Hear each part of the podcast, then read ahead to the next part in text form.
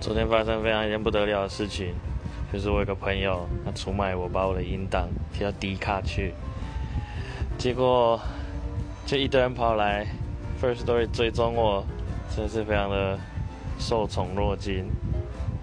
那没错，我本来只是一个兴趣使然的、兴趣使然的讲干话人。没想到突然多这么追踪，追踪者一时之间有点有点受宠若惊啊！你各位，你各位好，你各位我词穷了，那下次我再想想要讲什么，就这样不不不。